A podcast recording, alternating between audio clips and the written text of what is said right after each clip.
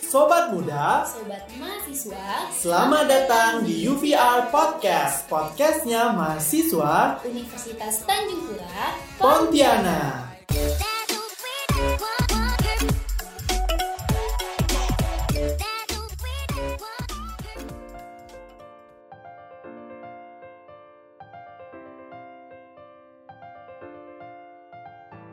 Halo sobat muda, sobat mahasiswa, bersama Peggy dan Ersa di sini yang akan menemani waktu luang sobat semua. Tentunya di UVR Podcast, podcastnya mahasiswa Universitas Tanjung Pura Pontianak.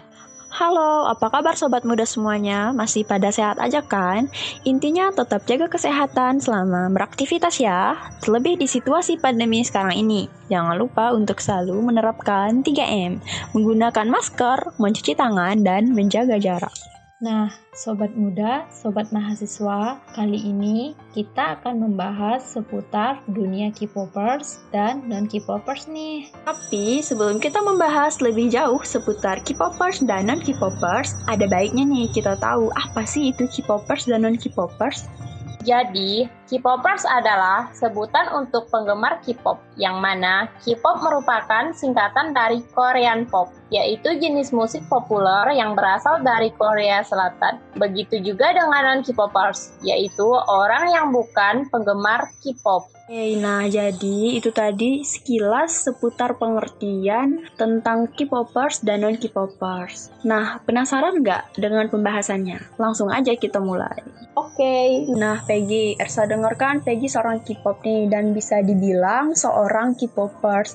Itu udah sejak kapan sih Peggy menyukai dunia K-popers? Sebenarnya kalau jadi K-popers tuh udah cukup lama ya, sekitar tahun 2010 gitu.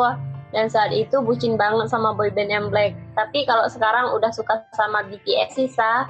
Oh, jadi beda ya idol yang dulu sama idol yang sekarang. Nah, iya, begitulah kira-kira. Nah, kalau buat Ersa sendiri, suka nggak sih sama K-pop? Kalau Ersa sendiri sih ya, jujur nggak suka sama K-pop. Karena emang lebih suka lagu dalam negeri, karena Ersa lebih ngerti gitu artinya. Jadi kalau untuk lagu K-pop, Ersa lebih menolak gitu. Oh, jadi kayak emang karena nggak suka gitu kan, lebih sukanya yang dalam negeri. Iya, Oke. benar.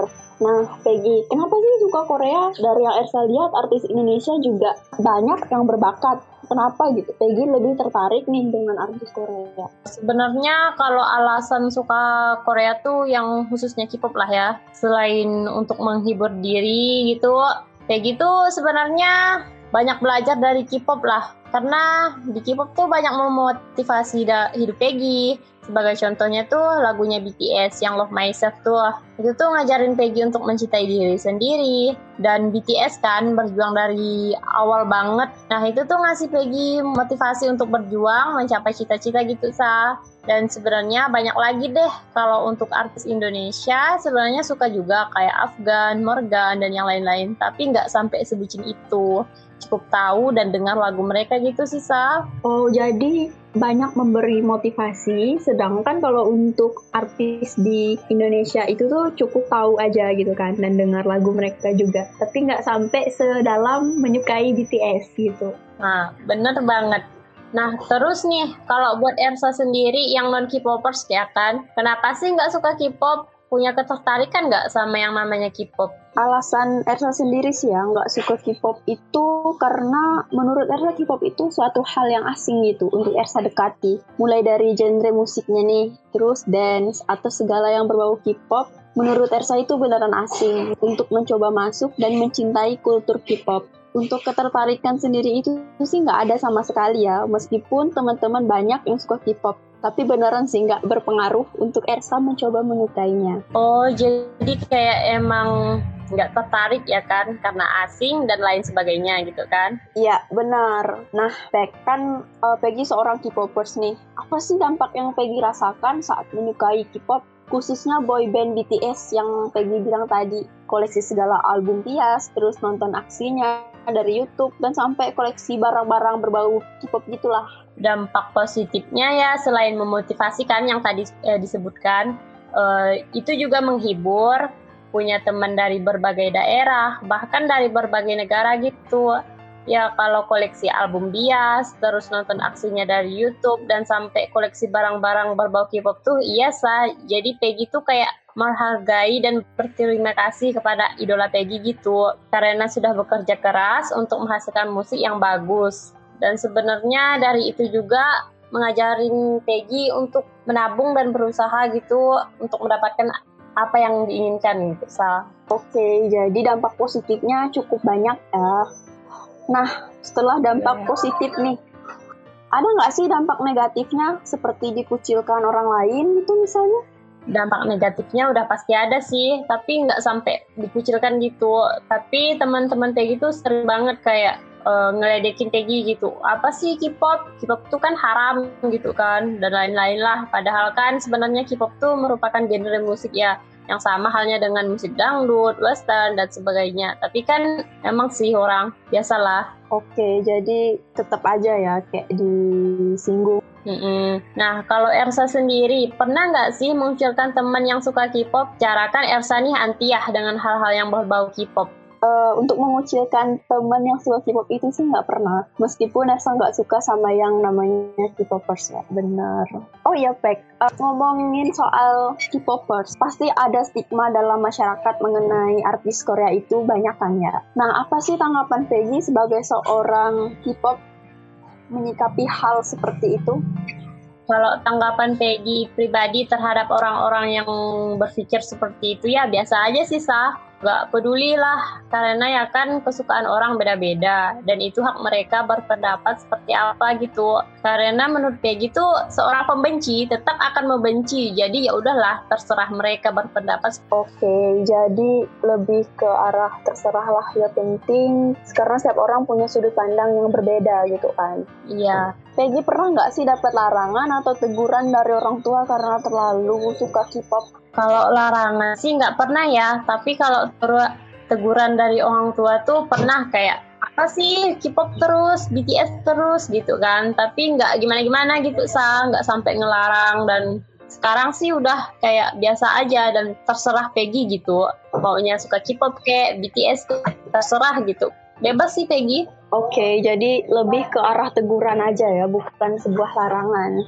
Iya. Nah, kalau Ersa nih, kan tadi Ersa bilang teman-teman Ersa kan banyak yang suka K-pop gitu kan. Jadi iya. Ersa pernah nggak sih dikucilkan gitu? Kayak dibilang nggak gaul lah gitu. Pernah nggak?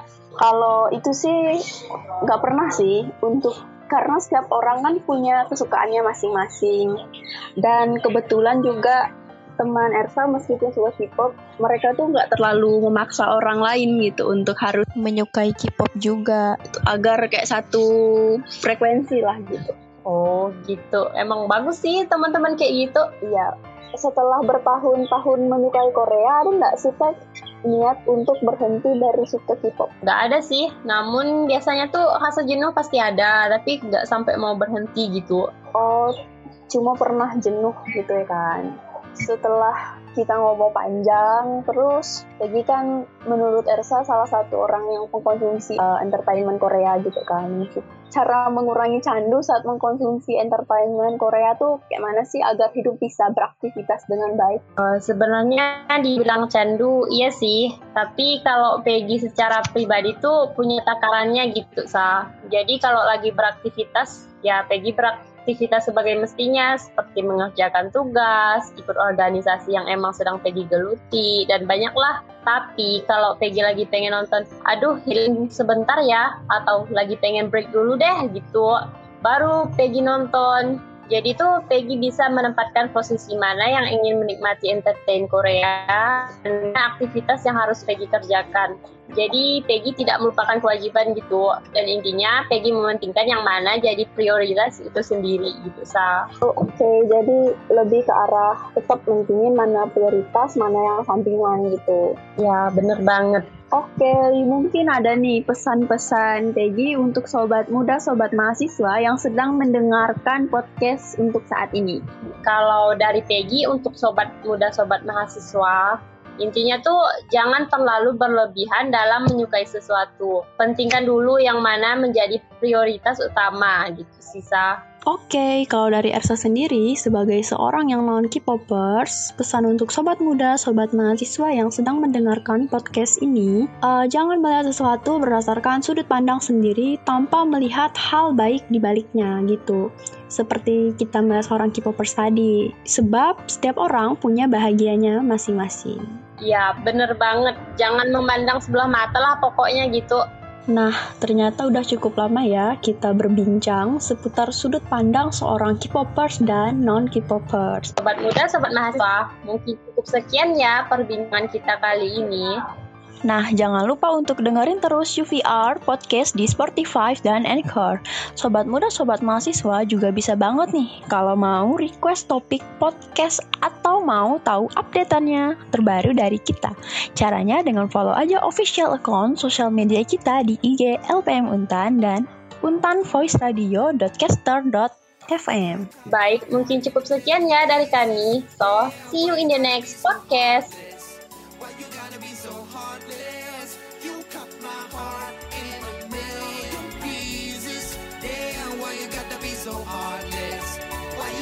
These are our days. You got me like.